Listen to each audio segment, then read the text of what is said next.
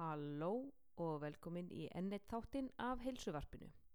Þessi þáttur er sem fyrr í bóði lífsalt.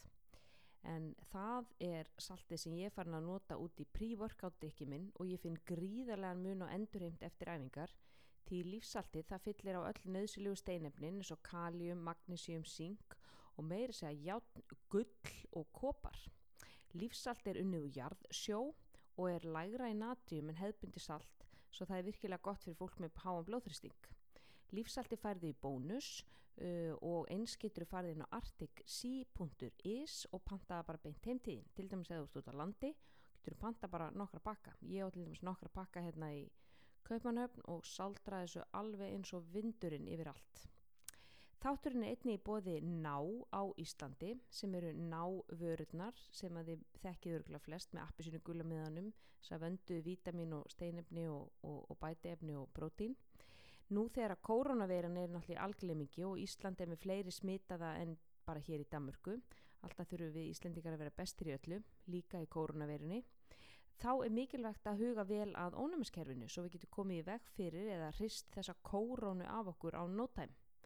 Ég er að styrkja mitt ónæmskerfi allan ásinsring með L-glútamín en það er aminosýra sem finnst í mestum mæli í líkamannum og kemur við sögu í nánast öllum ferlum líkamanns en þó einna helst í að styrkja ónæmskerfið. Núna er ég farin að bæta við beta-glúkan sem eru upplýsalega trefjar og koma aðalegur sveppum og þær bæta ónæmskerfi með því að styrkja viðnám frumna í líkamannum og jafnframt að styrkja þarmaflórunna. Það er lækka einni blóðþrýsting, lækka kólesterólið og þú fari jafnari blóðsökur. Ahaha, við veitum hvað það þýðir, minni kreyfings. Svo meðfram þessu öllum er ég að gúla C-vitamin tuggutöflina frá ná, en þær eru nú bara mitt nammi, þær eru með appelsínubræði og er bara eins og besta salgeti. Nú, í þessum þætti af heilsuvarpinu er ég að tala við Unnar Helgason. Hann er styrtar og þrekþjálfari fyrir MMA og CrossFit og einni þjálfaran sótsvartan almúan. Hann er náttúrulega maður sem er hókina reynslu í CrossFit bransarum en það hefur hann stopnað þrjár CrossFit stöðvar, hvorki meirinni minna, CrossFit Hamar á Akureyri, CrossFit Akureyri og CrossFit X Upsilon sem er í Hafnafjörði.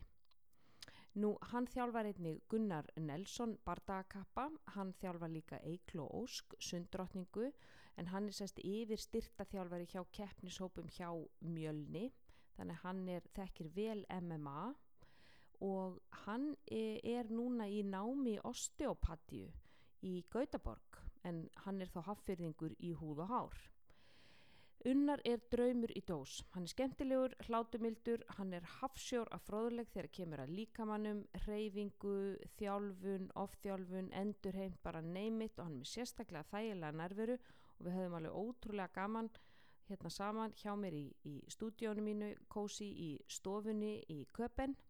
Vonandi hefur þú hlustandi góðir í afgamana þessum þætti og ég hafði. Þú finnur unnar á Instagram undir attunnarhá. Gjöru svo vel og hér er ég að tala við Unnar Helgason.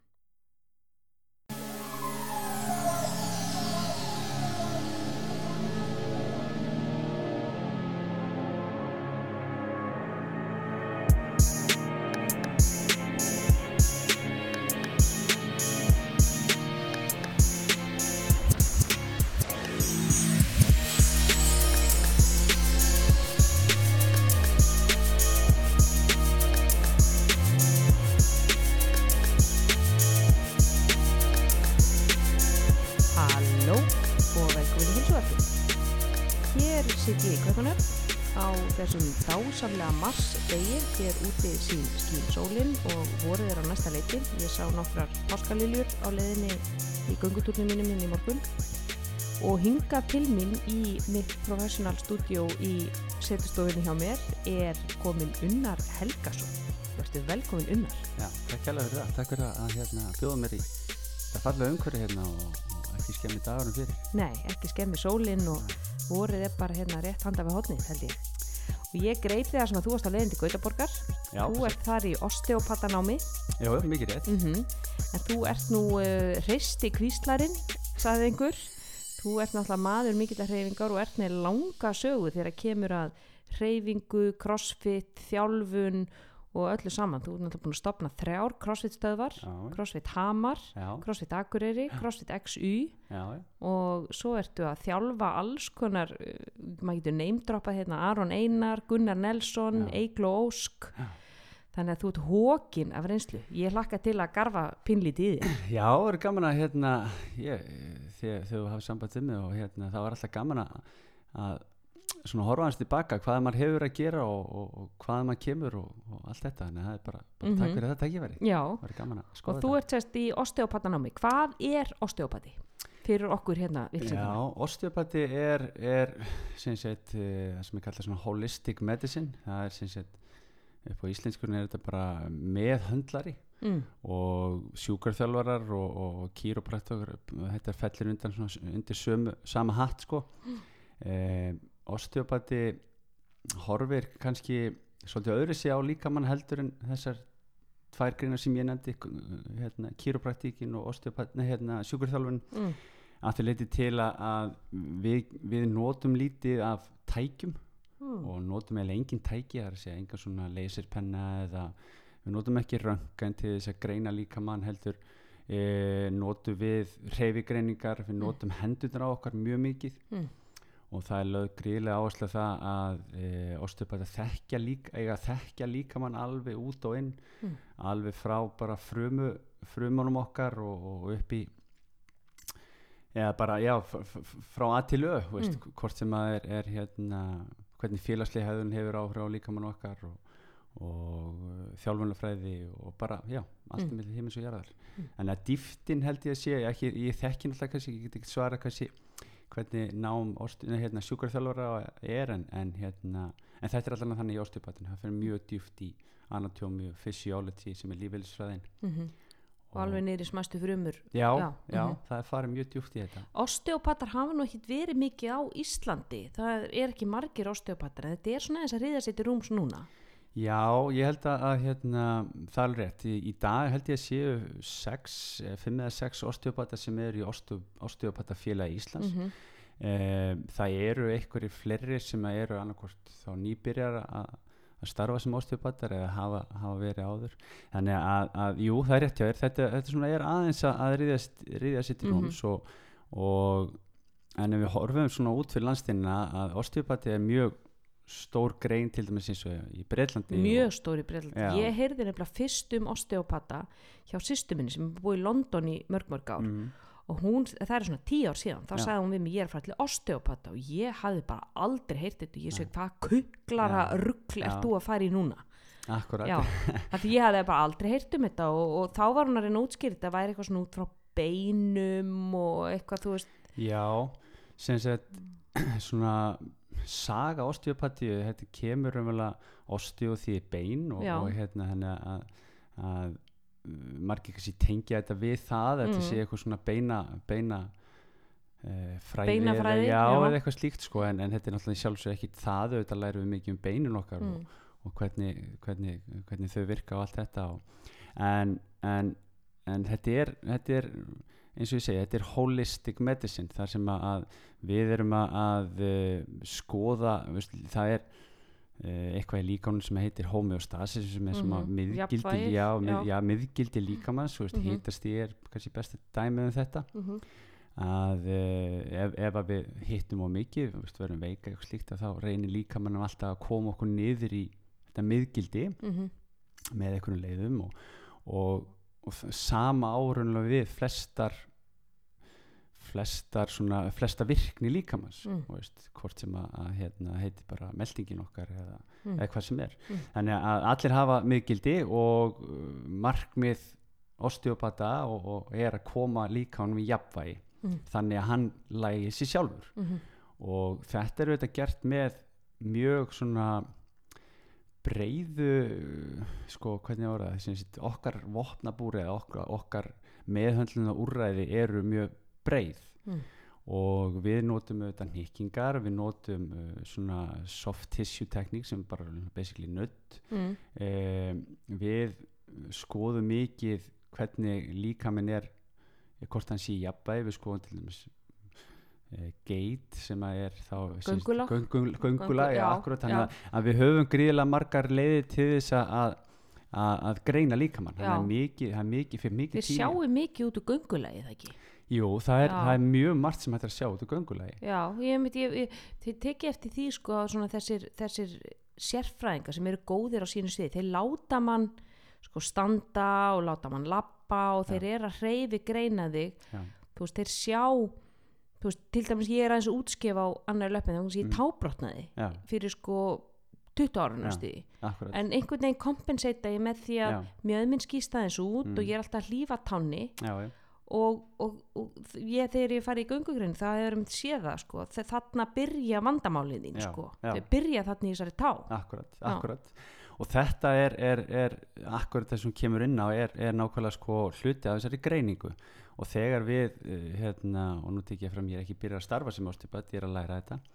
En, en þegar að, að þú fer til osteopata þá er tekin mjög svona greina góð svona saga af þínum fyrri vandamálum. Mm, mm, og eins og þú nefnir þú veist, að, að, að þú ert þú ert tábrotnað, Mm. þú ert hlýft henni í einhver tíma. Mm, það er orðið kannski hluti af þínu hreyfi minstri já, sem hefur þó áhrif upp í keðjuna og það er svona hluti af því sem að við, við skoðum alltaf er, sem sagt eh, ef það er illt í hnénu mm, að þá skoðum við svona above and below veist, hvað er að gerast í, í, í, í tánum á þér eða, Já. eða mjöðminn á þér eða veist, það er kannski, það er útskýri kannski hnéverkið. Veist, þannig að, er það ekki rétt um að nýjaverkur byrjar oft í mjöðum jú, mjög, Já, það er mjög já, Það er nefnilega þannig að, að til þess og með hnýja það er ekkert margir vöðvar sem að, að, að, hérna, að, að umlíkja hnýð mm þetta st- kemur mest í stöðuleikin í hnjánum á okkur úr mjöðmónum og öklun og hvað er þá hvað er þá svona algengasta að, það sem er að hrjá fólk sem er með nýjavandamál hvað er það í mjöðminni Já, sko það er auðvitað stífar með mér, þú veist, ómikil seta Já, við náttúrulega erum að, að veist, við lifum í þjóðfélagi það sem að við sitjum Mhm. uh, allt sem við gerum uh, veist, em, veist, þetta er nú kannski hans að breyta sem betur fyrr Mhm. en ef við bara skoðum þetta, við, við ferðumst í bíl við Mhm. ferðumst í, í flugvölum við ferðumst uh, hérna á hjóli mm veist, Mhm. við, við sérum í sitjandi stöðu í, á svona ferðalöfum okkar vinnan okkar Mhm. mest megnis sitjandi Mhm, þannig að auðvitað koma, við erum ekki röfulega basically hönnu til þess að sitja svona mikið mhm, og þetta veldur því að, að, að, hérna,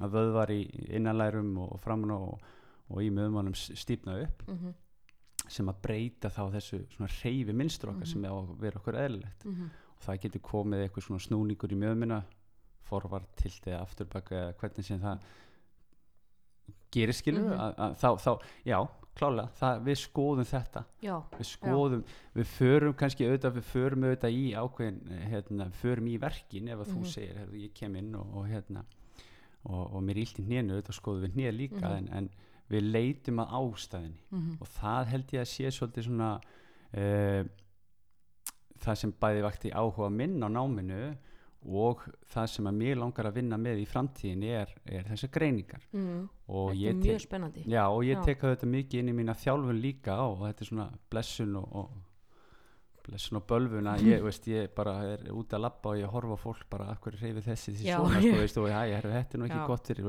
hérna, maður þekki þetta, maður bæðir ef maður er í ræktinni hvað þetta taka hnipið svona og svo er ég ofan í innkaupakörfunni og fólki í búðinni hvað, hvort þú að kaupa svona og já, þetta er nú Já, já. minka pakkað matinn og maður er svo Já. skiptasamir en að því þú segir einmitt sko með, með að, þetta með að við ferðumst allt sko sitjandi að ég er einmitt með svona reglur fyrir sjálfa mig þegar ég Mm. fer í lest til Mm. dæmis, ég náttúrulega hjóla náttúrulega mest allt hérna í köpen en þegar ég fer í lest Mm. þá reyni ég alltaf að standa og Já. sama með strætó já, þú veist, ef þetta er svona styttri ferði þá, þá stend ég og ég fer ekki síman Mm.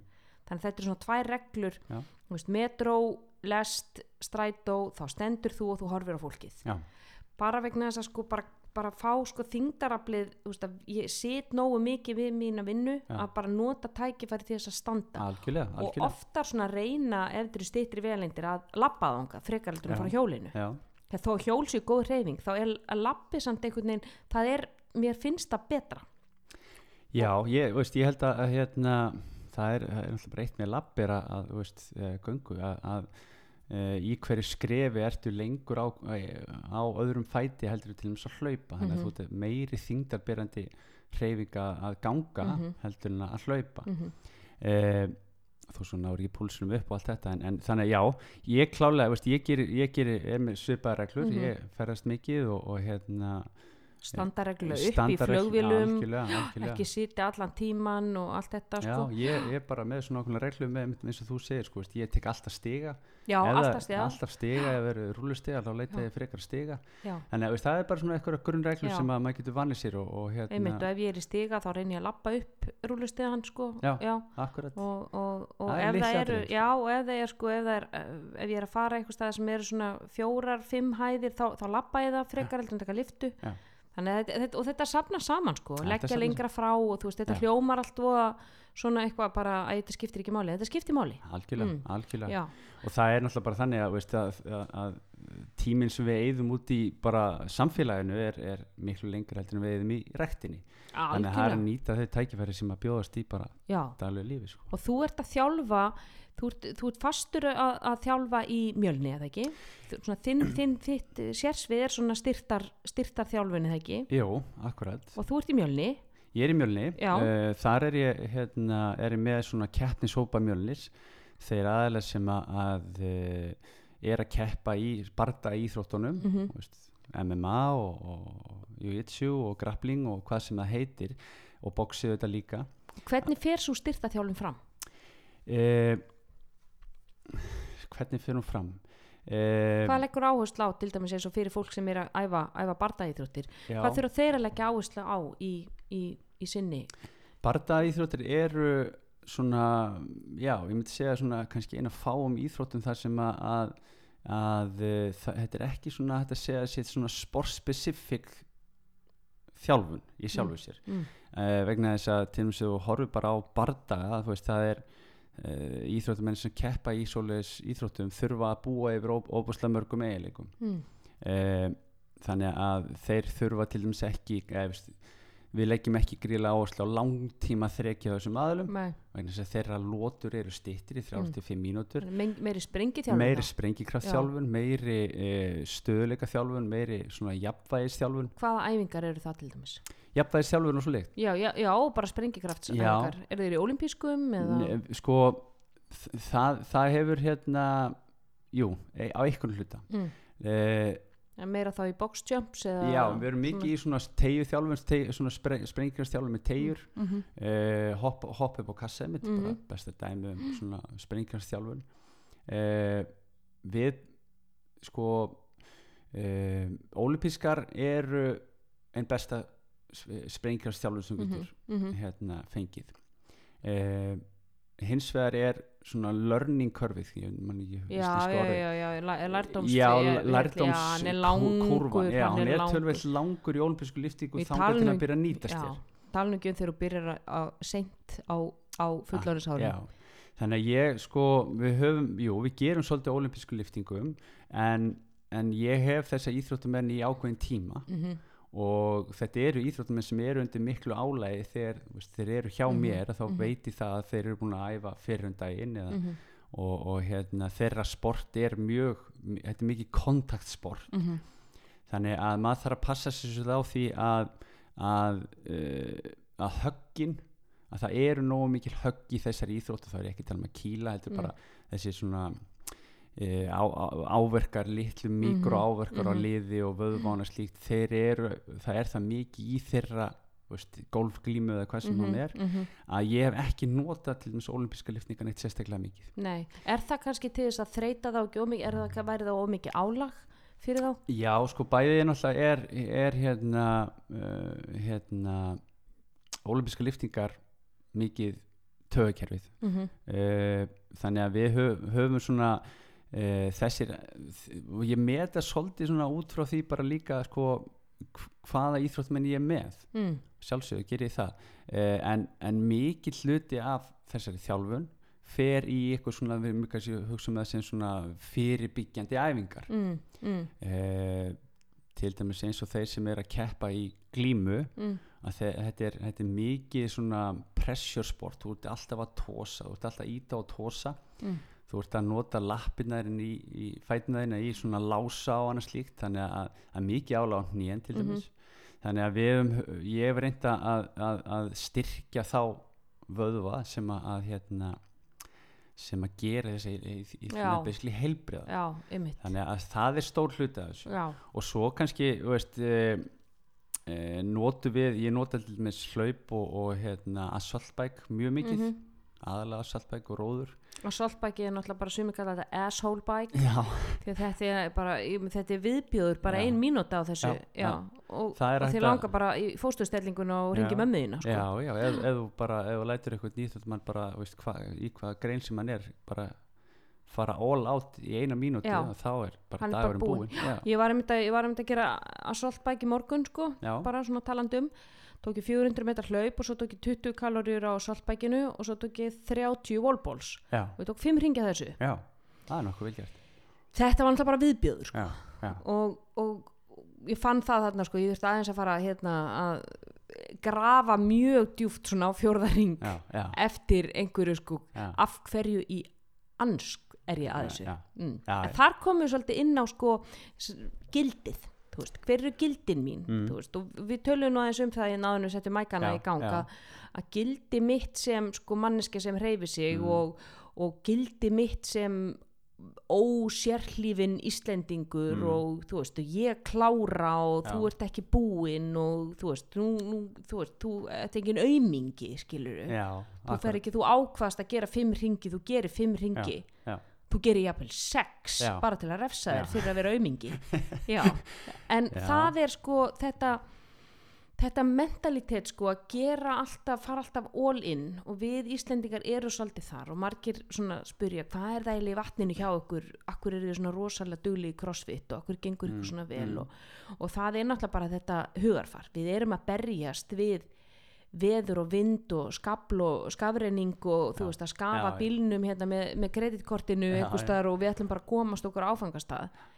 Þú veist, hvað er það í þessu sem að gera kannski verkum að við erum bara stundum kannski að gera mikið fyrir og uppskera ekki í samræmi við allt þetta sem við erum að leggja inn? Akkurat, þetta, þetta, er, þetta er mjög góð punktur sem að ég hugsa mikið út í og, og hérna við Íslendingar held ég séum við erum vinnumörar Mm. við erum við eigum mjög auðvelt með að, að hérna tilenga til okkur svona mjög svona brútal hugarfar að við bara, veist, að við getum æft okkur alveg í gröfina sko mm.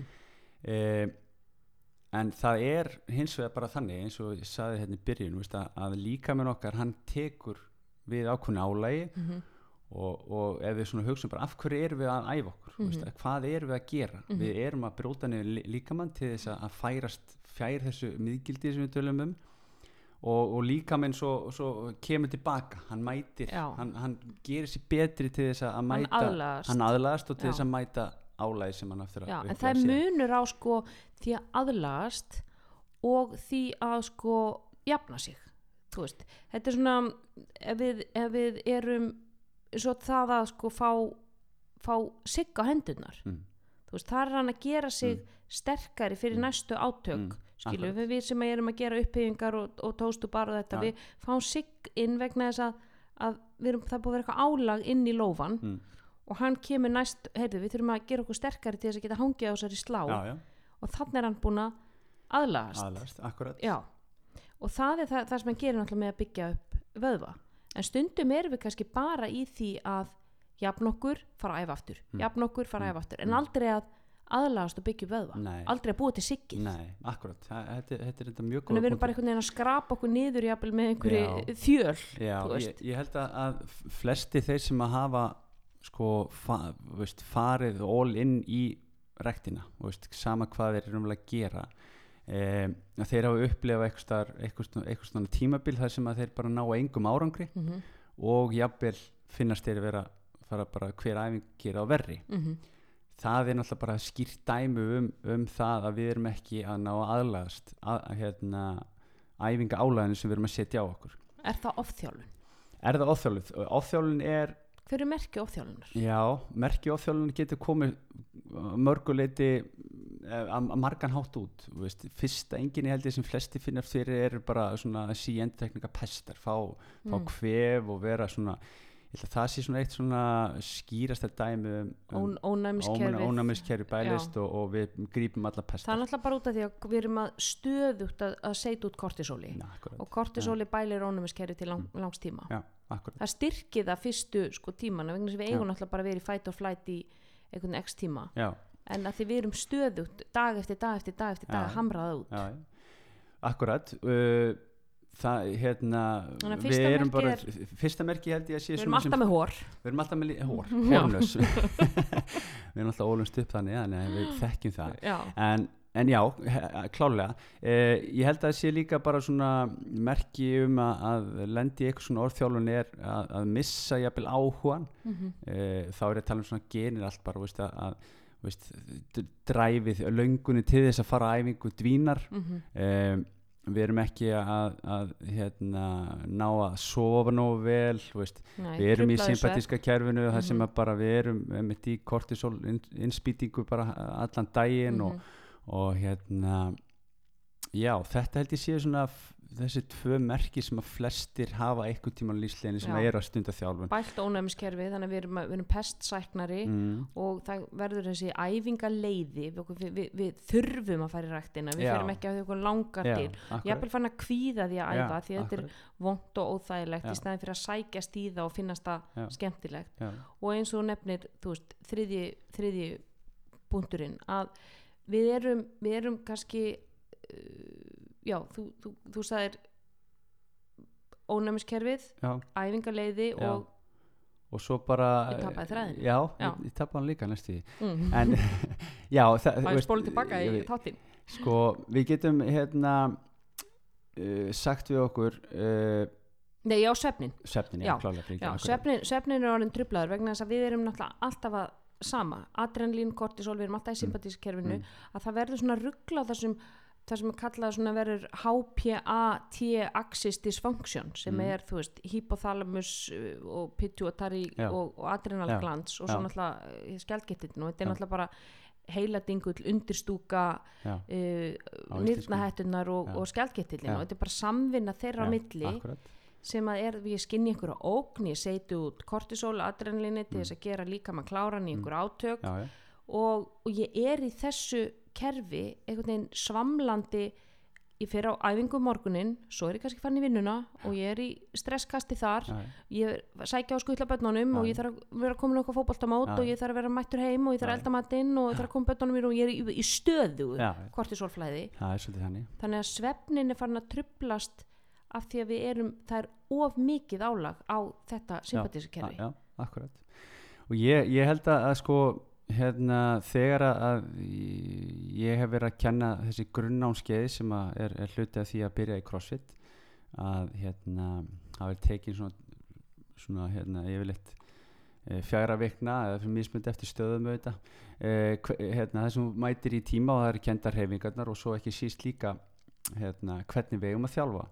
Og ég, ég hef alltaf sagt það við svona e, fólk að þú er að æfa í svona 80% á- ákefð mm -hmm, svona alla jafna. Mm -hmm, þú ætti alltaf að eiga eitthvað inni. Mm og þá er ég að tala um svona þennan meðal mann sem bara sækir rættina, hvað sem er Já. crossfit eða af því þú ert að fara að æfa jafnvel á morgun og hinn og hinn og, og það er svona stundu talað um sko skild eftir tvo í tanknum veist, ekki fara endilega í a- ekki lifta alltaf þangað til þú getur ekki sko meira. Nei, þú, þú, þú þarft ekki alltaf að vera með eitthvað spottara nei, til þess að þú veist eins og maður sér í bekknum það er einhver, hann rimur undir stönginni og vinur hans er í raun að deadlifta Já. stöngina ofan, á já, já, og þá maður bara og svo kemur, Já. á, þú getur, þú átti þetta, þú átti þetta. Nei, þú átti þetta ekki, já þú bara ekki neitt í þessu nei, en það, það, þú veist, það, út því- vegna þess að, að það er miklu meiri árangur til lengri tíma sem þú fær út í því að mæta reglulega Já, heldur það að fara mitt all in bara og, Mhm. og gjössanlega rústa þér á hverri æfingu Mhm. yfir þryggja vikna eða þryggja mánaða tímabil og svo ertu úti í, í Já. annað einn sko. þannig að það eru þetta það er þessi, það er þessi konstant uh, hérna mæta reglulega er svo ofbóðslega ég segi ekki vannmeti en það er það er, það er það sem býr til heilbrið á breiðu grunni í til lengri tíma. Það er heilsuvenjan. Það er heilsuvenn Já, og það er það sem að skiptir öllu málu ég man þetta í lasinsunni um, um mann sem að hann langaði til að byrja í ræktinni og hann var, hann var í mikill yfirþyngd og hann byrjaði og hann mætti bara í fimm Já. hann setti sér það reglu, ég ætla að fara en ég er bara í fimm mínútur, hann Mm. fór og hann tók eitthvað tvö sett og svo var hann bara farin út aftur. Já. og þetta gerði hann í heilt ár. Mm. bara til þess að sko sanna fyrir sjálfur sig, hann geti búið til venjuna Já. að fara. Já. svo fór hann að bæta við og bæta við og hann endaði með því að missa einhver 50-60 kíló. Akkurat. Þú veist, venjan fyrst, útkoman svo. Já, já, mjög gott, akkurat. Ég held að hérna og þá kemur þetta svolítið niður á það sem ég mikið pælt í og, og, og svona hef sett allan fyrir sjálfa mig eru svona gildi Mm. eh, hvað áttu við með því? gildi eh, þetta svona heimfari yfir á ýmislegt eitt mjög stort gildi hjá mér er, er að ég unnar, ég hreyfi mig Mm. ég, það er eitt mjög stort gildi hjá mér Mm mm. þannig að það er svona þitt identity ég er já, svona, ég er hreyfingamelur ég er hreyfingamelur já. já, Já, meina það, og það, það eða þessi, það bara lýsir sér á, á margan hátt og Mhm. til dæmis það að taka stegan, mm -hmm. e, staðan fyrir liftunum. Mm Ég hreyfi mig, Mhm. ég mun alltaf hreyfa mig -hmm.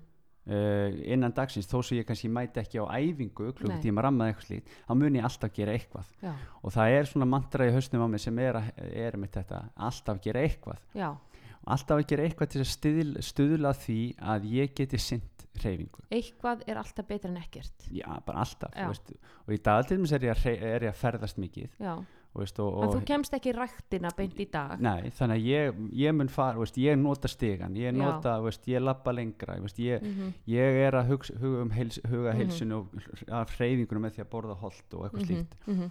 Uh, þannig að allt miðar þetta því að uppfylla þetta gildi og ég hugsa þetta svona visuált með. Mm Veist, ég bara hugsa spjaldi, þarna stendur gildi, -hmm. gildi mitt sem er hreyfing og ég Mhm. máta það við flest allt sem ég geri. eins og eins og til dæmis það að, að ef maður fæði símdal herði hérna veist, að funda sköldi líta út og fá okkur bjór eða veist, Mm. fá okkur eitthvað fara út í burger og bjór Já, borgur Já, og bjór, nákvæmlega veist, mm. og, ef, ef, hérna, ef ég máta það við gildi mitt Mhm. sem er reyfing og ég er Mhm. búin að lofa sjálfur um að vakna sex daginn eftir þá passa það ekki saman Nei. og þá segir þú nei við burger og bjór þá segir ég bara nei við borgur og bjór það Mm. bara hitt, bara passar ekki saman mm þetta, veistu, þá er ekki að segja þetta sé alltaf daga þannig Mhm. en, en ég máta þetta samt við og ég er alveg mannlegur líka og eiga allir að vera mannlegir ég máta þetta stundum við gildi og ég segi bara herru, nei, Screw þetta passar ekki fyrir mig. Þetta bara passar ekki við mig eða hinbóin já, já, herru, ég ætla bara fuck it. Já, smá fokkitt já, sko. nú er, ég, nú er ég til í en það er, þar, þá komum við inn á annað vegna þess að, að sko heilsa er náttúrulega ekki bara líkamleg. Hún er náttúrulega líka félagsleg og Mm. Tilfinningarleg og, og sálræn og, og stundum er það að fara í burger og bjór þá er það, er ég að sinna félagslegu heilsunum akkurat, akkurat. Núna er Nákvæmlega. ég bara rosa til í gott strákakvöld. Já. Bara yfir einum, einum sveittum Já. og, og fröllum Já. og, og bjór og bara, þú veist, að þar nýti mín og ég hef þörf fyrir hennar félagskap akkurat núna algjörlega. En, en stundum er, er einmitt hitt gildið sem að skipti meira máli nú er líkamlega heilsa mín skipti meira máli ég er, einna, er að æfa mig fyrir marathón Mm. eða ég er að gera og þetta passar ekki alveg inn í prógramið en þá er líka finnst mér mikilvægt að vera með svona kompromæs og geta verið sveigjanlegur, ok þeir ætla alltaf að fara í burger og bjór geti farið og hitt þá Mm. og ég get kannski fengið með steik Já. og vatn Mm. og farið heim kláða nýju akkurat ég hitti þá samt, Já, ég er að sinna félagslegu heilsunum minni já, já. þetta þarf ekki alltaf að vera þetta er ekki alltaf svart nei, hvít nei, sko. þetta er ekki svart og hérna og al- alveg eins og þú segir veist, að, að, að, og líka bara veist, út í því að gildi mitt er reyfing og, og gildi veist, við tölum bara um gildi reyfingagildi núna að það að ég skuli bara taka þessi ákvörnum það er mitt að bara fara í börgur og bjór og allan pakkan og koma sent heim og, og, og ég bara, þá, er ég bara búin að taka þá ákvörðun en gildi mitt er það stert að ég mun fara reyfa mitt en eftir hvort sem er veist, ég kannski fyrir ekki sex um morgun út í ég valju að veist, svefnin Mhm. meira veist, Mhm. þá fer ég bara setjum daginn það er ekki, það er ekki að fara að, að gera það verkum að ég bara herri, núna er ég búin að veist, Já, nú er ég búin að eyðileggja allt eðileggja og- og nú nei. ég, nei, gildið er það stert nú er ég hættur að vera. Já, nú er ég- ég, nú er ég, er og ég, bjórmelur, nú- já. Einmitt. Já, nei, nei, Nei, það, nei, og það er líka, finnst mér svona mikilvæg regla sem að, að ég hef oft, þú veist, predikað, ekki missa tvisar. Einu sinni, Mm. fuck it, skiptir engum máli. mm. Tvisvar ertu farin að búa til nýja hegðun. Mm. þannig ef að ég ákveð ok, ég ætla, ég ætla að steppa inn á æfingu í dag því ég er bara þreyttur eftir, eftir bjórkvöldi í gær mm, en ég fer á morgun, mm, skilur Já. En ef ég fer ekki á morgun að þá er ég byrjað að styrkja einhverja, einhverja nýjar venjur. já, þannig að það, það, er, er opbáslega algengt í fólki. Það, það dettur út það er einhvern veginn dettur út einn dagur það tveita, þríta og svo allt í hennu er linni þrý mánuðir. Já, en það er þessi dagur nummer tvö sem skiptir öllu máli. Já, farðu, farðu í fimm mínútur. Já, akkurat, gerðu eitthvað, Já. alltaf að gera eitthvað. Alltaf að gera eitthvað. Alltaf að gera eitthvað. Mm, mm. Það er bara, veist, það er mantra sem ég segi við sjálfum mig og segi við marga, veist, það er alltaf að gera eitthvað og þetta skiptir líka máli sko, nú komum við inn á crossfiti að, að, að umkringja sér fólki sem er í sko, sömu erindagjörðum og sö, sama þangagangi og Mm. þú hvernig er hópurinn þinn Mm. þú veist, ef þú ákveður ok, hér nú er komið gildi mitt ég, er, ég ætla að vera sá sem reyfi sig Mm. og, og hvað þarf ég að gera til þess að geta orðið svo manneski Mm. ég, þarf að, mæti ræktina Mm. og þá þarf ég svolítið að stýra umhverfum mínu hvernig er umhverfum mitt er það einmitt fólk sem er alltaf að ringi mig og byggja mig um að koma í börgur og bjór Mm. og er þá, þá er það svolítið erfitt að synda móti þeim ströym Já, og vera sá sem að já. segja nei, nei, nei ég er að fara, er að, fara að mæta inn í crossfit tíma kljóðan 6 Já. en því um leiði ég komin inn í eitthvað, eitthvað samfélag þar sem að við erum öll að stefna sama markmið og við erum öll hérna með sömu gildi við erum þau sem að vöknum kljóðan 5.30 Algjörlega. og mætum hérna í þennan tíma Algjörlega. Að það er oft sterkara heldur en veist, bara það að, að kaupa sér sko ræktarföt eða veist, bara hvernig er hópurinn? Við viljum, við viljum eiginlega vera sko við viljum frekar hafa sko vera í raungum hóp og, og þú veist, að vera sko að gera ranga hluti en að vera í hóp mm. frekar en vera að gera rétta hluti og einn. Já Þetta, þetta er, er gríðlega sterkur punktur og það er, ég held að þetta sé ástæðan fyrir til dæmis eins og CrossFit hefur Mm. náð svona miklum vinsældum er að, að þetta er fólk sem er að gera sömu hluti og þú Veist, ég, ég get mætt í tíma og, og Anni misti eða Mhm. einhver stendur hliðin á mér og hún er að gera nákvæmlega sömu hluti og ég mm -hmm. nema bara hún gera þau svona eins hraðar með meiri þyngd, meiri ákjæfð eitthvað slíkt Mhm, en við erum að gera sömu hlutina þannig að ég get samsærum með við Anni Misti eða Björgun Karli eða Mhm. veist, hver, hver sá sem búið að íþróttumæðurinn er. skapa einhvern veginn samfélag í kringu það að hreyfa sig. Og við erum öll þarna inni þú veist, við erum að gera eitthvað sem er óþægilegt við erum saman að Mm. Akkurat. upplifa það. Já, já, þú veist, þau var erfitt þessi wallballs þarna í lokin Já, og við getum svona bondaði við því og eftir og þetta, er, þetta er samfélag og, og hérna og það og, og inn í þetta samfélag virðist allan veist, mín reynsla að vera, vera þannig að við erum að fólk sem að sækist í svona þjálfun í svona æfingar eru svolítið svona like-minded people mm Mhm. veist, það, þetta er fólk sem að hugsa hlutina svolítið svipað mm -hmm. e, þannig að, þú rosalega það, það er margar, ótrúlega margar tr- traustar góða vináttur sem ég öðlast bara í gegnum það að vera í þessum heimi Mhm. og, og, og þar kemur einmitt þetta gildi veist að ég er bara ég er hreyfingagildinu og Mhm. það er allir langflesti sem eru kringum mig eru nákvæmlega með þetta gildi líka Mhm. þannig að þó að, að, að þú veist, ég missi eina æfing út þá veit ég það bara ég mun mæta aftur veist, það er ekkert að fara að breyta því Nei. og því fleiri sem að þú velur se- sem þína vinni og þína lífsförun þetta sko, þeir bara sterkar vera þetta gildi og, og það getur stundum mm, orðið til þess að þú þarft kannski að losa þig við ákveðna vinni og, og þú býr til ný sambönd og þú veist þannig að þú ert líka að breytast sem manneska í hvert, einasta skipti alg- algjörlega, algjörlega. Já, já. en hvernig vinnur þú svona með gildi einmitt, nú er þú náttúrulega að stopna þessar, þessar þrjár crossfit stöðar Já. og hefur þjálfað þar þannig að þú ert búin að þjálfa mikið svona pöpulinn og bara svona hinn almenna borgarar jæmt, þú veist, við alla þessar flottu íþróttamenn sem þú ert eh, búin að þjálfa já, algjörlega hvernig svona innrætur hjá þú veist, hinnum almenna borgara það, þessi gildi, hvernig, hvernig eru skilabóðin sem að þú sendir út sem þjálfari?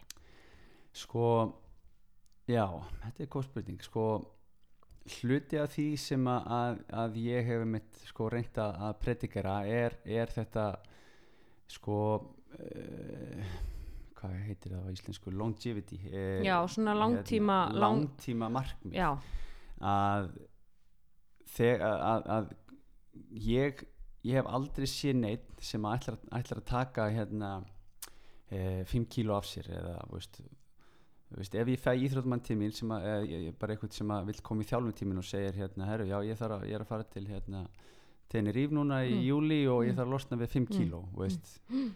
þá er það, ég er ekki besti þjálfarni til þess að sinna því að ég trúi því bara að, að svoleiðis hlutir er að gerast á lengri tíma og Mhm. þú átt að skapa þér eh, hérna, lífsvennur sem að stuðla að langtíma heilsu. og svo er bara þingdar uh, tap bara falleg aukaverkun af Það er fallið aukaverkuna og ég Mhm. trúi því raunverulega Mhm. vegna þess að, að, ef að þú ert með svona, svona, svona hérna, short time goals Mm. skamtíma markmið ég bara glimti það já, þú glemdi bara íslenskunni hann eftir Mhm. í heima Já, þú ert með svona skamtíma markmið að, að, að þá er svo auðvelt að bæði er að, að stundum er bara auðvelt að uppfylla þau. Mhm, þá er ég bara búin að ná þessu markmiði og ég er ekki með innan önnur. Mhm. Þú veist, ég fóð til Tenerife og ég bara náði af með fimm náði af kílóunum. fimm kílóum og svo hvað, hvað gerist eftir það ég kem bara heim og ég er hættur í ræktinni Akkurat, og, veist, ég ég náði þessu markmið og ég kannski fyrir til Tenerife næsta ára líka og þá er ég búin að bæta á með 7 kílóm þá Mhm. verður markmiðið 7 kílóm Mhm, og veist, þannig að, að en ef við búum til umhverfi og, og, og ef við búum til uh, fjölskyldu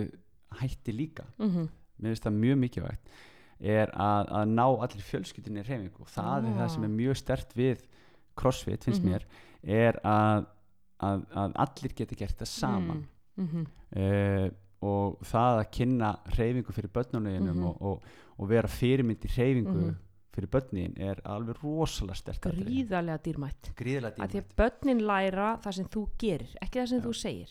Akkurat, þú er að fara að reyfa þig, þú er að fara í fótbolta þú er að vera þarna, en býti þú ert ekki að gera þú ert neitt. ekki að gera neitt af þessu. Nei, Já, þú ert ekki að akkur- fara akkur að gera. akkur á ég að gera Það. og, og, og sterkasta forspáni það hvort að batnið eitt byrja að reykja það er þú reykja sjálfur Já.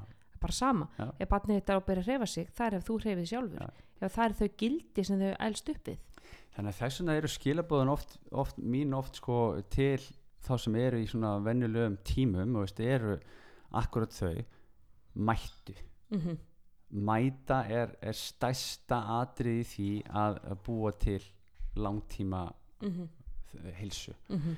Eh, og þess vegna, og svo brotum við það niður herri, ok, hvað þurfum við að gera til þess að ná þessum markmið að mæta og veist, eitt af því er einmitt þessi 80% sem ég tala, tala svolítið mikið um í tímanum er að, að eiga eitthvað í tankinum Mhm. eiga, og það, þú ætlar að mæta morgun líka Mhm. en það er erfitt að vera alltaf alltaf að drepast í hasperum og, og alltaf, þú veist, einhvern veginn alveg búin á því að mæta. Veist, þá, þá þarftu svo gríðanlega viljastyrk og þá þarftu svo ofbóðslega skýr markmið og oft, oft þarftu sko ofbóðslega sterk eða skýr markmið og það er kannski á meira heima svolítið inn í íþróttaheiminum. Já, þú ert ekki íþróttumæður, þú ert bara hinn venjulegi jói sem er, ert á kontornum já, já, og langar bara svona að vera bara nokkuð fitt og, og líða vel og, og, og þú veist, auðvitað líta vel út á sundlegabakkanum einhvern tíman en, en, en það gerur ekki, mér finnst nefnilega sko, svo margir nota hasperur sem einhvern mæli hvarða á það hvort að æfingin hafi verið góð Já. eða áhrifarík Já. ekki í raunin eru sko einhverja lamandi hasperur í 2-3 daga það er bara merkjum það að þú gerur á mikið já, Þú gerðu bara- já. bara fram úr þér Já, já, og þú veist, og ég finn það einmitt sjálf ég er búin með hasperinn í hamstringinu núna í fjóra daga já, og, og ég hugsaði sko fyrsta daginn var ég bara já ok, ég tók náttúrulega vel að ég var hann að gerði bæði stiffleggett og Já. svo gerði líka leggkörl og, Já. Og ég hef ekki tekið hamstringin alveg nógu mikið en er nú bara eðlilegt. En Mm. núna er ég á fjórða degi já, og þá veit ég ég gerði á mikið. Já, ég, ég gerði einhverjum settum á mikið Já. eða ég fór eitthvað all-in því að þetta er bara ekki þetta, er ekki, ég er ekki eitthvað hoppandi glöði við því að vera ennþá að drepast Nei, sko.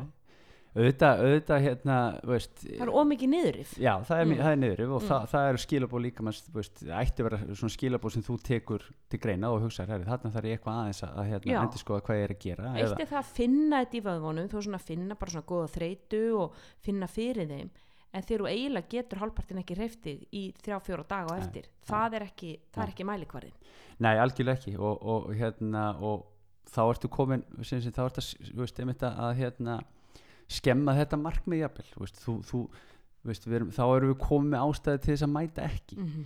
og það er eitt sem er, er held ég mjög mikilvægt fyrir okkur uh, sem er um að sinna þjálfu Mhm. er að stend, senda þessi skýru, sterku og skýru markmið mættu já, vertu, mættu og gerðu, gerðu við, 80% við gerum eitthvað. Mhm. Þú veist, ef að þann daginn þú kemur inn og hérna er að raka með þú ert að drefast í, í hamstringum ok, Mhm, mhm. finnum eitthvað annað fyrir því til að gera til þess að, að geima það svæði Mhm, eitthvað mhm, slíkt. mhm, og uh, crossfitið þannig byggt upp að það er æfing dagsins uh, sem að getur bara verið alls konar útgáðar af æfingum samansettum æfingum.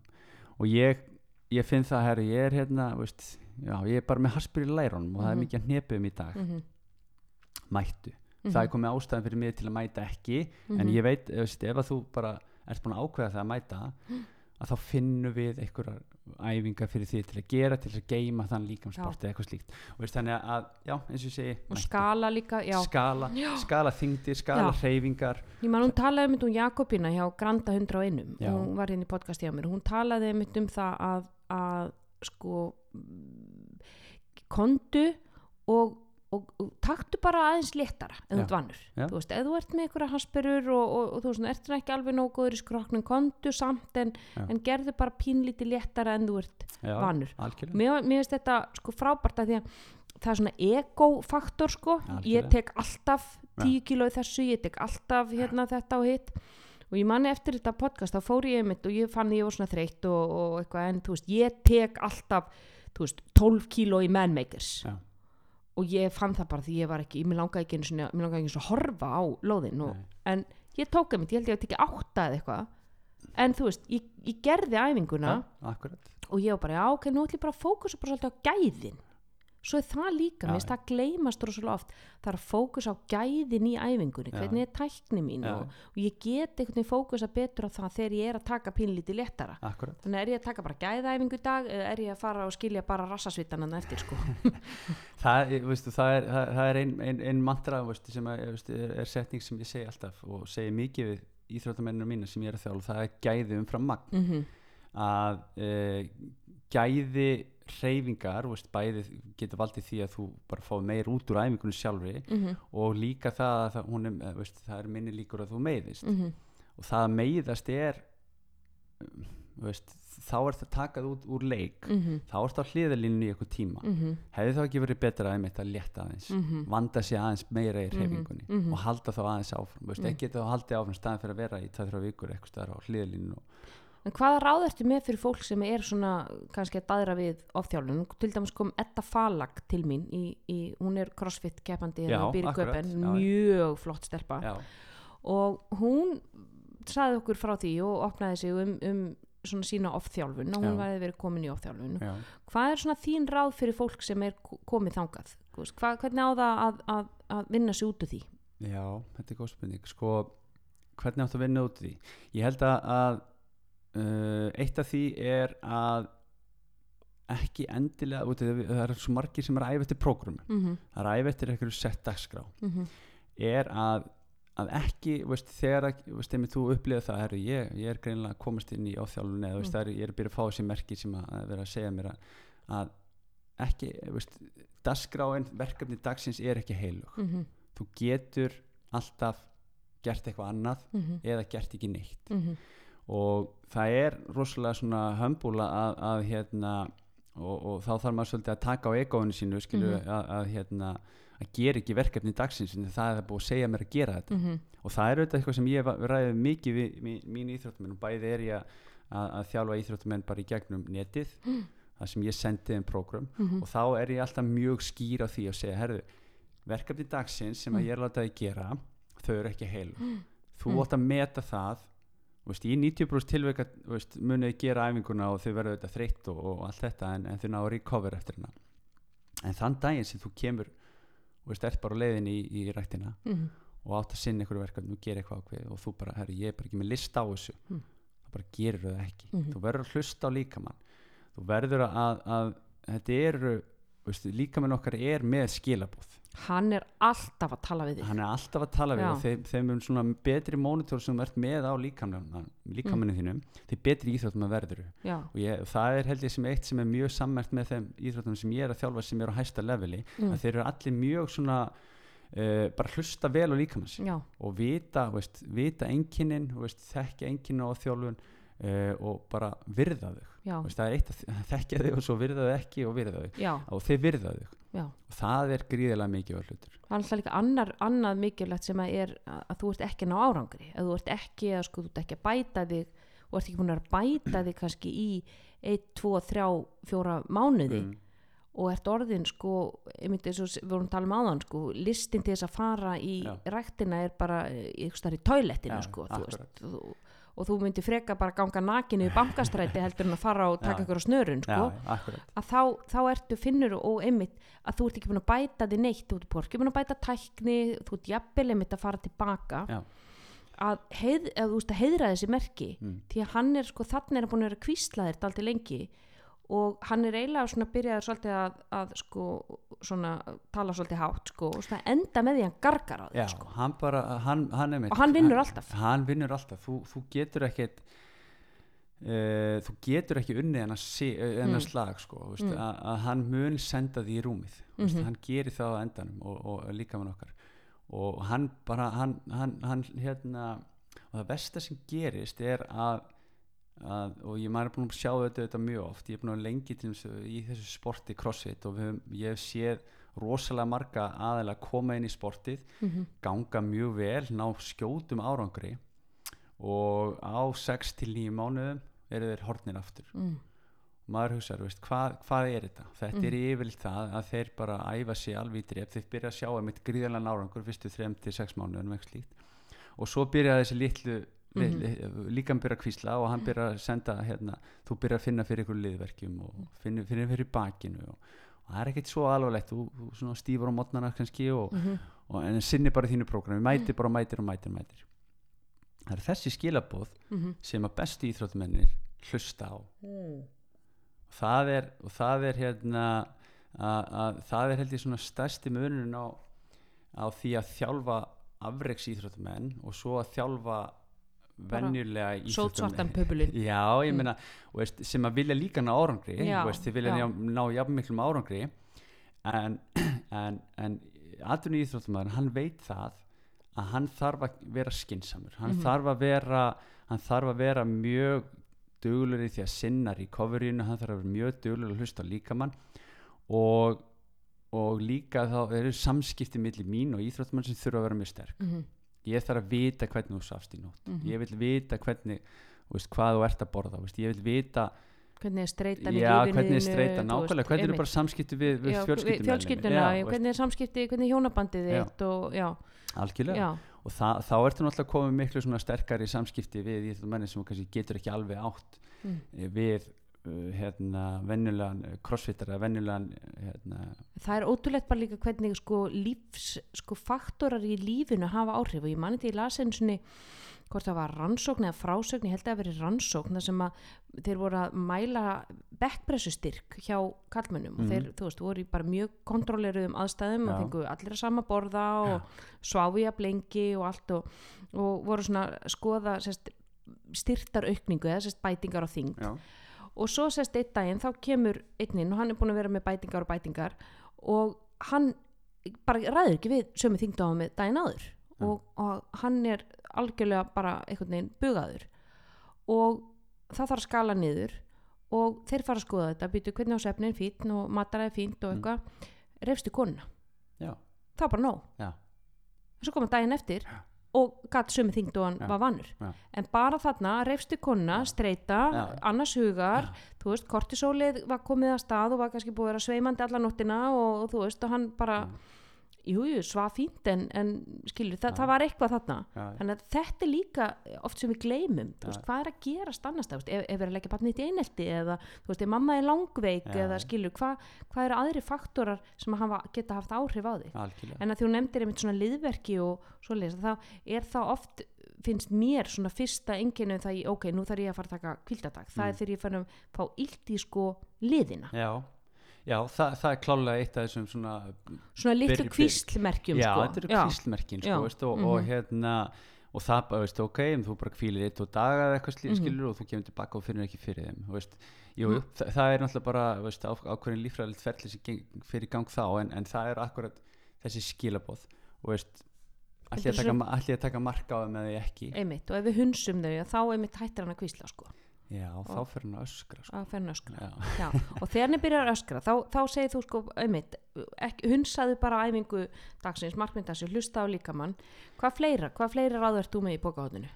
sko eitthvað, þú veist, tengt mataræði eitthvað tengt svefni, tengt kvíldadögum Já, ég held að, að hérna, sko, e, við erum með nokkur svona, nokkur svona stóð atriði eða stóru atriðin í því sem að gera okkur helbrið. mm Það er auðvitað hreyfingin og það er mataræðið og, og svefnin okkar. E, við erum auðvitað alltaf að komast meira og meira að því hversu, hversu svefn er gríðilega Mhm. mikilvægur fyrir okkur -hmm. og það er held ég eitthvað sem að, að vonandi er að verða svona bara mjög víðtækt að Mhm. allir eigi að sinna þessum Mhm.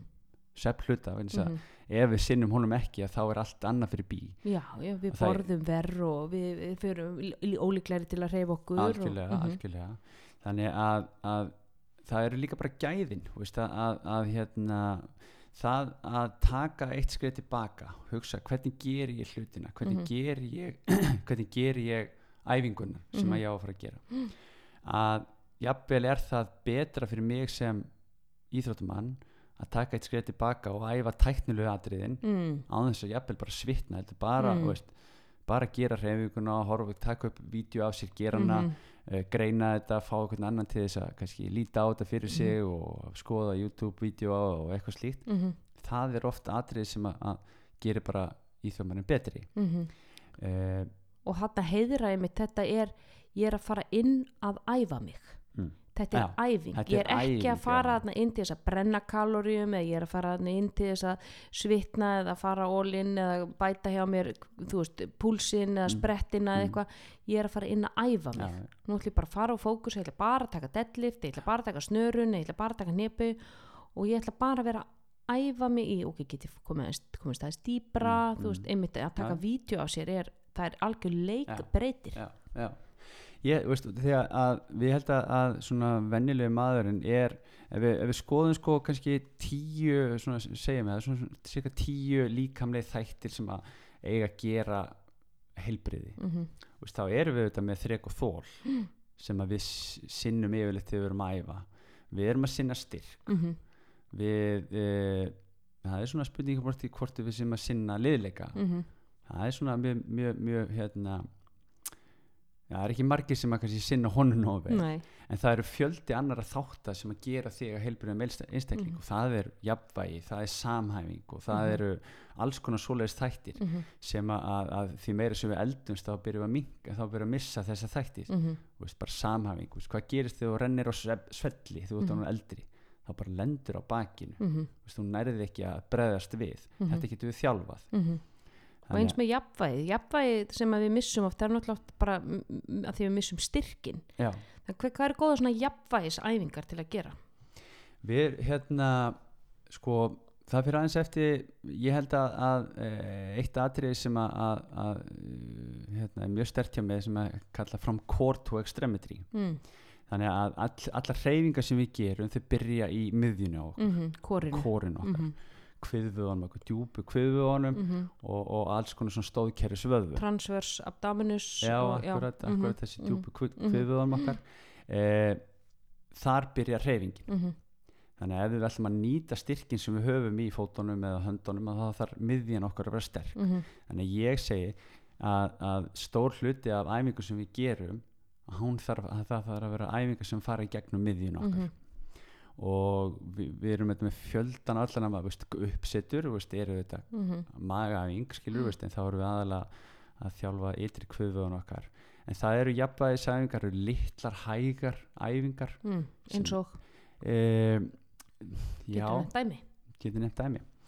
Sko, komið svona á öðrum fæti eins og Bulgarian split squats eða eitthvað já, svoleiðis æfingar. Bulgarian splitskost er, er klálega æfing sem að hérna, pistol squats pistol, já það er eftir reyndar að, sko kannski meira að æfa svona hérna unilateral eh, svona hérna styrkin Mhm. myndi ég segja. Mm en til dæmis bara það að halda mitt á bolta, mm, standa á öðrum fæti mm. kasta til hliðana í vegg eða eitthvað slíkt sko, þá ertu að nota snúningsvöða Mm Vegna þess að mikið af þjálfur sem við gerum í ræktinni og hugsa út í það að þær eru fram og já, tilbaka. það eru bara í einni, einni, einni reyfi einum Já, vektor já. þú veist, þannig að við erum að gera æfingar sem að veist, uppsetta, þá ertu að fara upp og Mhm. niður. mm þú ert að gera Nýbeig þá ertu að fara upp og niður, já, deadlift upp og niður. Allt upp og Já. niður. Pushpress upp og niður. allt upp og niður. Já, þannig að hvað við að gera sem að, að, að er í hinum vektorum sem er snúningurinn snúningurinn, það er rauninni sko. bara veist, ef ég hugsa fyrir sjálfum mig Russian Twist er Mm. náttúrulega svona snúnings, já,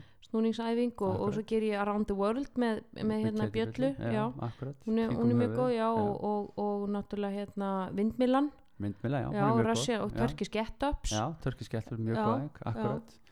Þa, er, þarna getur verið að líka nota til dæmis tegjur. Tegjur eru mjög góð, mm, gott til þess að búa til hliðar álag. mm Til dæmis eins og æfing sem að ég nota persónulega mjög mikið sem er, er e, á, ennskunum svona elevated split skot.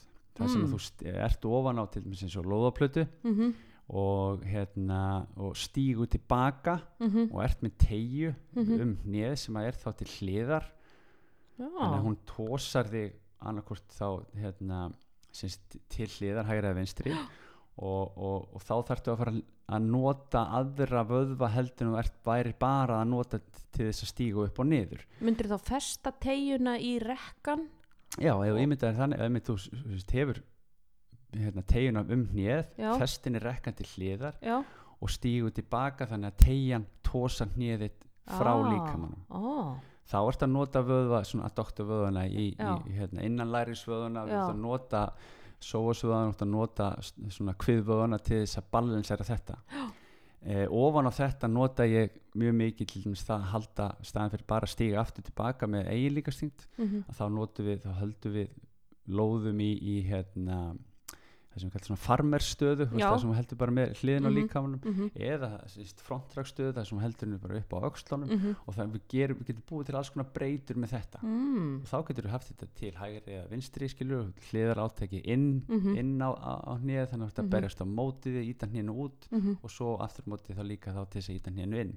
Þetta er svona dæmi um æfingu sem hægt er að þjálfa jafnvægisvöðuna Þjálfa og svona þessar litla vöðvu sem, sem að gleymast kannski og eru, er ekki, maður nýtir ekki í þessum stóru, stóru æfingum, Nei. þú veist þannig maður þarf ofta að huga því líka. Algjörlega. Og það er raunverulega þessir litlu stóðkerri sem að, að, að raunverulega halda þér svolítið uppi. Já, og þannig er komið gott dæmi um æfingar sem að ef þú ert búin að vera í ofþjálfun og þarft að fara í svona recovery phase mm. að þannig eru æfingar sem þú getur gert sem að setja ekki opbáslega mikið álag á miðtöðakerfið en þú ert samt að fara inn og þú ert að æfa þig og þú ert að undirbúa jarðveginn fyrir það algjörlega þegar þú kemur tilbaka úr þessu þessu feysi.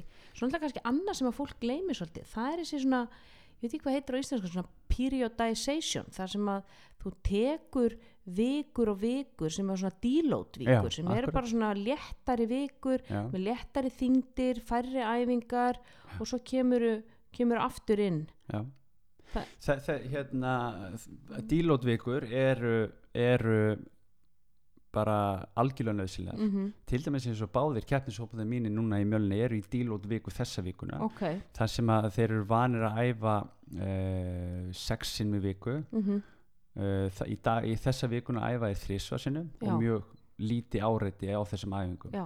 Þannig að þá erum við að gefa líkánum í tækifæri til þess að laga sig mm að auknu álagi Já. við erum að gefa líkánum til þess að, að tækifæri til þess að eh, veist, laga þessi litlu, svona, litlu eimsli hér og þar og, ge- já, og, Mhm. og bara aukir og í En til dæmis í svoleiðis viku, veist, það myndi nýtist líka bara hinnum almenna, almenna borgara. algjörlega Hvað gerur til dæmis, lætur það á borða meira? Uh, ég, það er eitthvað sem að ég hef ekki sett mig nóg mikið inn í Mm. mm. veist, mataræði og, og næringafræði það er eitthvað sem að ég hérna, hef mikið áhuga að skoða frekar en ég er ekki Nei, veist, nei þú ert ekki að skipta þér neitt að því. nei, Nei. auðvitað er ég með guidelines veist, ég er Mm. með, með, með hérna með veist, ég vil leggja áherslu á holdt mataræði Mm, og borða hreint mm. mataræði sérstaklega en það er ekki, ekki kannski bein, beinlins hluti af svona Ég finna til dæmis sko þegar ég tek frítagana, þá er ég svangari. já, Ég er rosa svöng á, á, á, á sko kvildatugunum mínum. Já, Það er eins og sko líka minn, og, og það eru margir sem tala um það sama, sko. Það, þarna er hann eitthvað hann er að kalla á. Þannig já. ég oft sko borða aðeins meira á þeim, þeim dögum. kannski hugsalega finnur ekki jafnvel fyrir því vegna að, að þegar þú ert í, í þegar- þjálfun já, að þá þá- er bara þá ert að, að, að dempir það niður dempi það niður svengdatilfinninguna Mhm, það það getur verið sko og þú ert að nota þá tíman til þess að þegar þú ert ekki að æfa að fylla á Mhm, glíkókinbyrjina mhm. sem eru kolvetnabyrjir líkamanns Mhm, þannig að já, þetta klálega getur þetta spila inn í en það er eitt með sem, sett, sem að ég, mér finnst við þurfa að tala um er að veist, í þessari Instagram og svona mm, væðingu og þegar Mm. við erum að horfa á þessa íþróttamenn sem við erum að bera okkur svolítið sama við Mhm. og lítum upp til og veist, eins og eru stærstu stjörnundar í dag sem eru þessar crossfit stjörnur og, Mhm. og Ragnar Sara og, og Anni og allt eh, Katrín þetta- Tanja Björgvin Karl og Þurriður Helga Mhm, eh, Erla, Helga, eh, við erum að sjá mestmegnis glansmyndina. Við erum Mhm. að sjá flottu, þungu, erfuðu æfingarnar. Mhm, það sem þetta fólk gerir það er, já, nánast hægt að segja þessi spari mhm, eh, þetta fólk er að sinna gríðarlega mikið styrtaræfingum, Mhm. jafnbæðisæfingum æfingu, og, veist, og, og, og æfingu sem að stuðla að því að þau geti gert hitt. Mhm, eh, ef að ég ætlaði bara að, að veist, fara á Instagram og ég fyrir bara inn á Ragnarssur og herri, hún er að gera þetta og þetta, ég ætla að gera þetta, þetta Mhm. lítur vel út. Mhm, þá ert að missa, þú ert að missa 50% af þeim sem hún gerir. Mhm, það er kannski ekki alveg jafn og ég ætla ekki að segja endilega að hún sé ég er bara að nota nafni hennar. En, en íþróttamenn á þessu leveli að þeir eru að gera allar þessar litlu Mm, jafnvæðisæfingar mm, sem við eru, eru bara mm. ekki jafn Instagram vænar. Nei það er mjög- rosa lélegt Instagram hérna, material að vera með einhverja tegju utanum sig og vera að gera rotator cuff. Já, akkurat veist, það er bara, já, já, rosa leðilegt band pull apart nákvæmlega veist, og, og þetta, veist, og þau, þetta fólk allt notar þessar æfingar. En gríðarlega mikilvægar æfingar, ég menn til þess að einmitt, hvernig ætlar að ná í þessu litlu pínlitlu skapular vöðva veist en, en, og til dæmis bara gera skapular pull-ups það er, það er engin að fara að staldra við það Instagram-vídeó sko Nei, nei, Nei. nákvæmlega, nákvæmlega. og, veist, og, og, og upphittun og, og þessar þessa litlu bara svona activation æfingar sem Mhm. þetta fólk gerir mm það eðir gríðilegum tíma í þetta -hmm. og við erum ekki að sjá það nei, e, þannig að að e, nei til þess að geta sint þessari erfu veist, gera þessi erfu æfingar eins og þú nefndir skilur, Mhm. hlaupa 400 metra og taka Mhm. hjólið og svo beint í þá þarf þú að vera með jarðveg sem að stiður við það, hann Mhm. tekur við þessu mm -hmm. þú ert búin að æfa lengi og, Mm. og, og, og út frá þínu stekana ert Mhm. að gera flotta hluti Mm. Og, og gerur örlega eitthvað meira æfingar sem að Já, kannski er ekki jafn einstakarnas vænar ég veit já, ekki sko. Já, en, en allavegna þá ertu bara þú ert að byggja jarfið sem þú getur byggt ofan, byggt Mhm, ofan. mhm. þannig að sinni þessu. Þa, það, og það held ég að það sé stærsta hlutrik sem ég er að sinna sem þjálfari er akkurat það. Mhm. að ég, ég er að, að flestir íþróttum sem ég er að þjálfa eru að, að, að keppa í öðrum íþróttum heldur en þryggi sem að Mm. crossfit er eða, veist.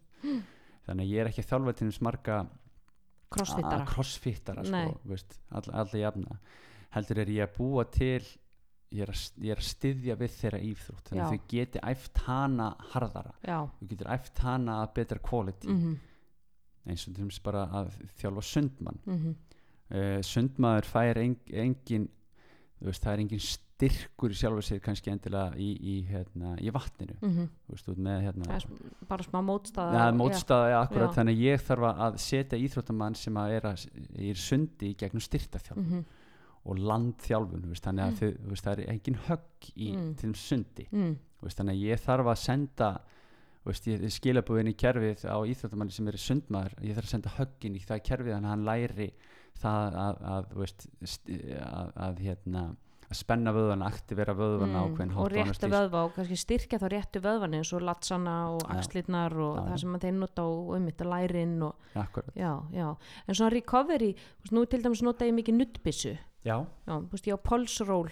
hérna nuttbissuna já, akkurat. Nota þú svoleiðis? Já, ég nota svolítið mikið. Ég Mm. hérna uh, klálega, ég held að, að nuttbissan sé einmitt Mér finnst hún aðeinslega, ég næ sko Já. inn á milli herðablana og ég næ einhvern veginn inn í pýriformis og já, ég er með hana inn á, á já, næ, með hana inn á kvöld og sérstaklega á kálvana, ég verist fá rosa mikið í kálvana, ég er svona Já. kálvadominant Já. svolítið sko Já, kálfa dominant, fólk er yfirleitt með smá eimsli í hnjánu til dæmis það er, já, ég hef nefnilega ekki fyrir þið Nei, en það já, er svona, svona en veist þannig, já, er, en hérna en mér finnst einmitt bara já, maður er svona heyrta að þú veist þessar nuttbissur séu mjög gaglegar gríðlega, ég, held að- ég held að það sé svona það, það tæki sem hefur sko alltaf jólagjöfin í ár var nuttbissan og hérna bara klöppum fyrir því og það er fólk sem að nota þetta og ég nota þetta sjálfur mjög mikið og uh, bara frábært inn í flóruna. Já, ég sé fyllt af þjálfurum sko einmitt í, í ræktinni sko, þeir eru bara með þetta og eru á, á sína, sína gunna þeir eru alltaf að spara mér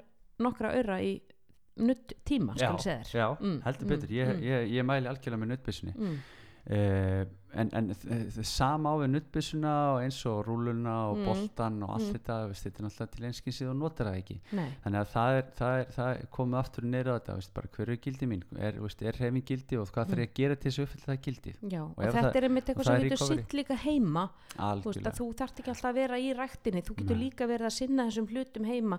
Setja inn yfir Netflix og vera með nuttbissun á mér eða vera á rúllunni eða þú veist, vera aðeins að tegja teka Ja. sófategina og tekta aðeins framan á að Ja. því er búin að sita í allan dag Ja. og það er bara einmitt að koma þessari reyfingu og þessum litlu hlutum inn í þetta daglega líf finnst mér Mm. svo mikilvægt eins og við tala um, með að taka stigan og labba og, Ja. og, og, og eins og sko, fólk er jafnvel hægt sko að að fara bara út í búð, þú veist, það fara að fá heimsend og það Já. fara heimsendan mat Já, og ég er með svona einmitt, mína, mín svona smá motto sko, ég þarf að eyða kaloríum til að ná í kaloríur já, þú veist, ég þarf að lappa í búðina eða hjóla þangað til þess að ná í kaloríunar inn sko. þannig Já. voru, þannig komust við þurftum að eyða kaloríum, við þurftum að leita í skeppnu til að drepa hana og, Já, og draga hana heim og þú veist, en við erum alveg hægt þessu já. Ég, veist, það er fyrir þetta hérna e, þú ferð á æfingu og þú brennir hérna 6-800 hitæningum eða hva, hvernig, hvernig sem æfingin er en, en, en, en hitæninga þörfið þín yfir daginn eru 2000 Mhm. hitæningar veist, Mhm. eða eitthvað stað þar fyrir eftir hversu stór og há allt þetta við erum þannig að restina kalorinum ert þú að eyða bara í daglegum störfum. Mhm. þannig að ef þú ert að, að veist, leitast eftir því að, að létta þig eða Mhm. bara veist, vera heilbriðari þá, þá, þá er þessi litlu heimaverkefni svo gríðilega já, mikilvæg. Það er þessi, þessi, þessi daglega litla reyfing sem skiptir, skiptir svo miklu máli og hún sapna saman sko. En unnar, er eitthvað að lokum sem þið langar að koma á framfæri? Hlustendur heilsuarfins heilsuvarsins mm. Ég bara, ég hvet náttúrulega bara allir til þess að, að, að hérna, það er eitthvað sem er nýst mér vel er, er þessi gildi sem við svolítið komið vel inn, inn á og, Mhm. og, og skapa þér og þinni fjölskyldu svona bara svolítið svona helsu veist, verið bara helsu fjölskylda mm Mhm. takið þetta alla leið og verið fyrirmynd fyrir börnin ykkar Mhm. Mhm. það er bæði í mataræði og hreyfingu og, og hérna e, við öðlumst heilbriða á breiðin grunni ekki bara í rektinni, það eru félagslegu samskiptin og Mhm. það er allt þetta og þú, fær, maður fær mikið út því að mæta einmitt í, í hóptíma og slíkt, þá fær Mhm. maður félagsins þessi samskipti sko og, Mhm. og, og hérna og finna reyfingu sem henda þér og, og, og eins og segi, svo læra börnin sem fyrir þeim er, fyrir þeim er haft já, og, og, þá ertu líka að sama tíma að skapa þér umhverfi sem stiður við þína heilsuhegðun Mm. því að þú veist, börnin eru fann að styðja þig í að fara og, og makiðin líka þannig að þetta er, þetta er mjög góð loka já, algjörlega, það eru takk með takk hella fyrir að, koma og, og, og hérna, ætla bara að hleypa þér út í sólina. Og til ykkur hlustundu góður, takk fyrir að hlusta á heilsuvarpið og þá til næst, við þið bless